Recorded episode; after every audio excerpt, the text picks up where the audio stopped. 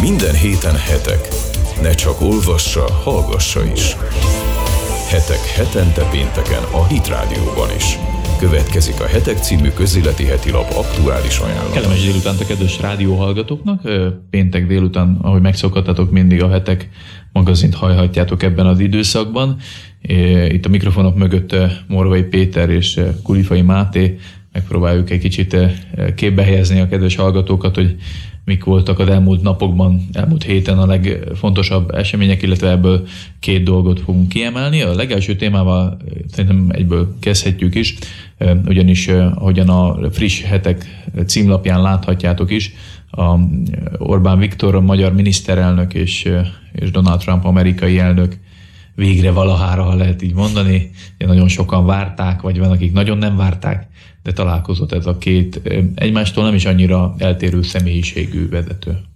Szervusz, Máté, köszöntöm a hallgatókat. Hát nem hogy, nem, nem, hogy egymástól nagyon eltérő, hanem David Kornstein, amerikai nagykövet szavai visszaemlékezése szerint Donald Trump a Fehérház kiáratánál történő búcsúzáskor egyenesen azt mondta Orbán Viktornak, hogy mi ketten ikrek vagyunk. Kérdés, hogy az ikrek azok szeretik egymást általában, vagy nem? Én azt gondolom a, a, a találkozónak az egész hangulatából kikövetkeztetve, hogy, hogy itt valóban egy, egy közös hullámhosszra talált a két vezető. Ez szintén a, a budapesti amerikai nagykövet mondta, hogy ezért már régóta Trump és a Trumpnak a stábja figyelemmel kísérte Magyarországot és, és a magyar miniszterelnököt is, szemben egyébként az előző amerikai kormányzattal, amelyik ugye látványosan negligálta az egész térséget, de ezen belül Magyarországot is. Joggal merül fel a távolabbi érdeklődőkbe, vagy, vagy internetezők körébe, vagy akár a rádióhallgatók körében az, hogy miért van az, hogyha ha Orbán Viktor már egészen korán talán európai vezetők között elsőként fejezte ki támogatását, vagy, vagy támogatta Donald Trumpnak akkor még csak a jelöltségét, akkor miért került két és fél évbe az, hogy egyetlen a nők összeüljenek? Úgy, hogy tényleg azért Európából nem tudom, majdnem 20 ember már járt a Fehérházba igen, ez egy, adódik ez a kérdés. Én például megkérdeztem ezt Magyarics Tamás, Amerika szakértő professzort, az eltének a tanárától az elmúlt heti lapszámunkban lehetett olvasni az interjút, és Magyarics professzor úgy látja, és aztán ezt is mások is megerősítették, hogy azért ugye amikor egy elnökváltás történik a Fehérházban, az nem jelenti automatikusan azt például, hogy a külügyminisztériumban is megtörténik azonnal egy ilyen teljes sorcsere. És Trump esetében gyakorlatilag a, ő megörökölt egy olyan külügyi adminisztrációt, ami teljes mértékben Hillary Clinton és, és Obama mellett volt elkötelezve. Ez a, ez a külügyi tisztviselői kar, ez kifejezetten távol akarta tartani, és sikeresen az előző nyolc évben távol is tartotta Orbán Viktort a Fehérháztól. Időbe telt. Ugye egyrészt Trumpnak is rengeteg minden feladata. Hát megdolgoztatták, megdolgoztatták bőven, az biztos. Nem csak, nem csak a kormány, ugye nem csak a kormányzással kellett foglalkozni, hanem például, mint a most megjelent Deep State legyőzése című könyv is bemutatja, amelynek a szerzőjével, Jeremy Corzival szintén a mostani számban lehet interjút olvasni, tehát, hogy ugye Trumpnak a kormányzás mellett azzal is foglalkoznia kellett, hogy nehogy megpucsolják szó szerint Igen. a Müller féle vizsgálat és másfajta akciók azt a célt szolgálták, hogy ha már nem sikerült megakadályozni a megválasztását, akkor valahogy el, el tudják mozdítani alkotmányos vádemeléssel a pozíciójából. Úgy tűnik, hogy Trump nagyon sikeresen visszaverte eddig ezeket a támogatásokat, sőt, ez egy érdekes egybeesés, pont az Orbán Viktorral való találkozó másnapján érte el az első ciklusának a rekordméretű támogatottságát, most először lépte át az 50% ot 51 százalékos a elnöki tevékenységnek a támogatottsága. Abszolút számban is többen támogatják. Ez összehasonlításképpen egyébként Barack Obamának az első ciklusa hasonló időszakában 48 százalékos volt a támogatottsága, és simán megválasztották utána újra. Ez csak egyébként tanulság azoknak a magyar politikusoknak is, akik úgy gondolták és úgy kommunikálták, hogy két rendkívül népszerűtlen, mélyen elutasított politikus találkozott egymással. Ugye Trumpnak ez 51%-os támogatottsága magáért beszél, a magyar miniszterelnöknek a támogatottságáról pedig alig több mint egy hét múlva mindenki meggyőződhet. Még egyetlen egy kérdést engedj meg ezzel a témával kapcsolatban, és utána egy rövid zenével elszakítjuk a másik, elindítjuk a másik témánkat is, hogy mennyire játszhat közbe az, hogy pont most történt az amerikai találkozó az európai parlamenti választásokban. Ugye muszáj erről is beszélnünk, hiszen kevesebb, mint tíz nap, kicsit bő, mint egy hét van hátra az európai parlamenti választásokon, amin több mint valószínű, hogy a, a Fidesz lesz az a párt, ami az egész Európában a legmagabiztosabb győzelmet fogja aratni, illetve hát Orbán Viktornak a személye és neve azért fémjelzi azt a fajta törekvést, ami, vagy azt a fajta tábort, ami több mint valószínű előretör a, a mostani választásokon. Abszolút, az időpont ez teljesen tudatos volt amerikai részről, és Trumpnak a szavaiból is kitűnt, hogy azt mondta, hogy Orbán Viktor esetében egy európai szinten tisztelt és elismert vezetőről van szó.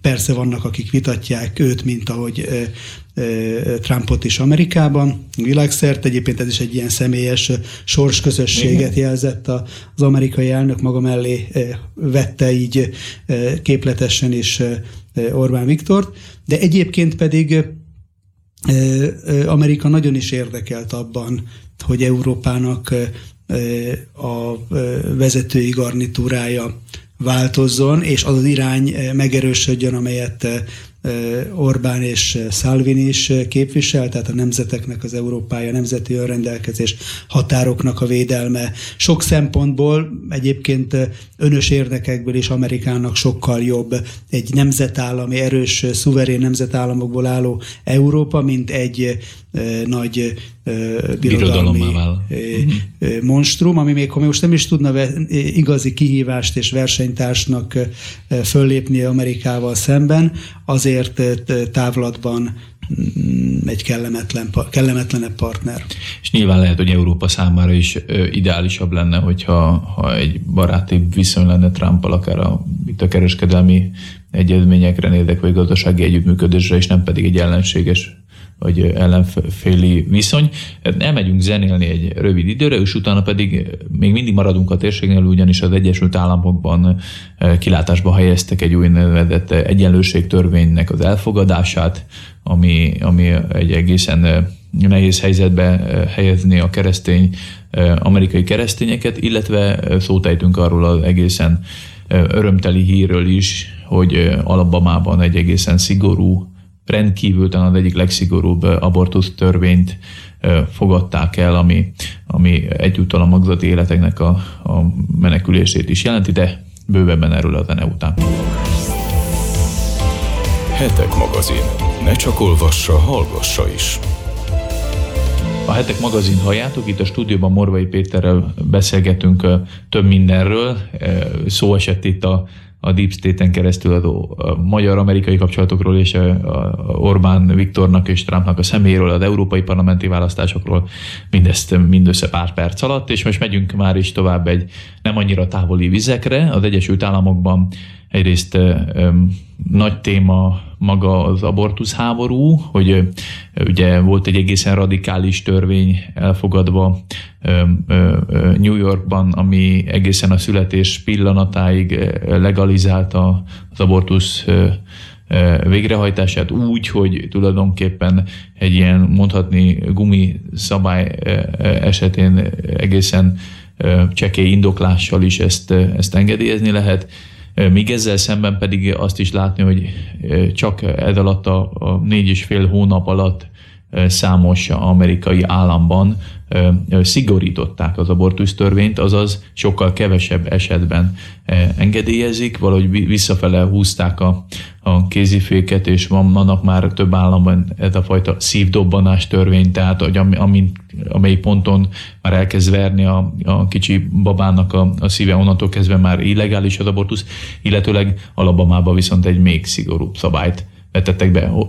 Hogy magyarázható az, hogy ez a két tendencia egymással egymás mellett ennyire felerősödött? Hát azt gondolom, hogy egyértelműen a jövő évi elnökválasztásnak a e, csalál összefüggésben e, két olyan területen láthattunk, amit említettél, kezdeményezést, ami az balliberális oldalnak a szívügye az egyik, a konzervatív republikánus oldalnak a fontos témája a másik, és ugye azt lehet látni, hogy tulajdonképpen az amerikai gazdaság 50 éve soha nem volt ilyen erős, mint most, és hogyha csak a korábbi ciklusoknak a tapasztalataiból indulnánk ki, akkor azt mondanánk, hogy ez így, ahogy van, el is dönti a elnökválasztás, hiszen egy hivatalba lévő elnököt ilyen eh, brutál erős gazdaság mellett szinte mindig újra választottak.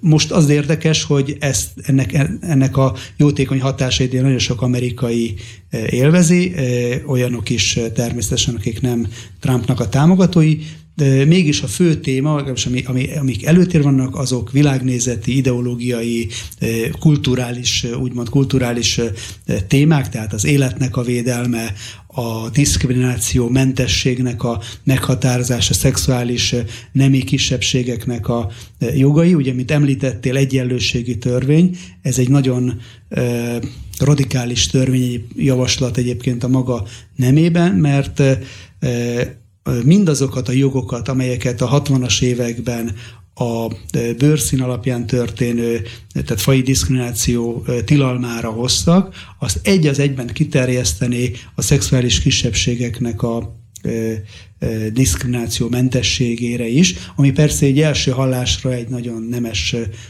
ügynek is tűnhet, hiszen a diszkrimináció az egy csúnya szó, és, és az emberek általában, ha ezt kérdezik tőlük, akkor ezt, ezt, ezt elutasítják, de hogyha ennek a gyakorlati következményeit nézzük, akkor azok egészen messzire mennek, társadalom átalakító törekvéseket mutatnak, mert gondolj bele például abba, hogy egy, ennek a törvénynek az elfogadása esetén egy keresztény gyülekezet nem utasíthatná el egy leszbikus munkatársnak a jelentkezését. Igen, mert hogyha ezt átfordítjuk, ugye, ha egyenlőséget jele, tesznek például az afroamerikaiak, fekete közösség és például a, az LMBTQ közösség között, akkor ez olyan lefordítva, mint hogyha a gyülekezet azt mondaná, hogy mivel feketék nem adják össze őket, és ugye és nem, nem, nem, nem, nem, is csak, nem is csak, nem is csak a, az ilyen közjogi, közjogi aktusokról van szó, tehát mint, mint az es, esküvőről, hanem egyszerűen munkajogi kérdésekről, tehát ahol,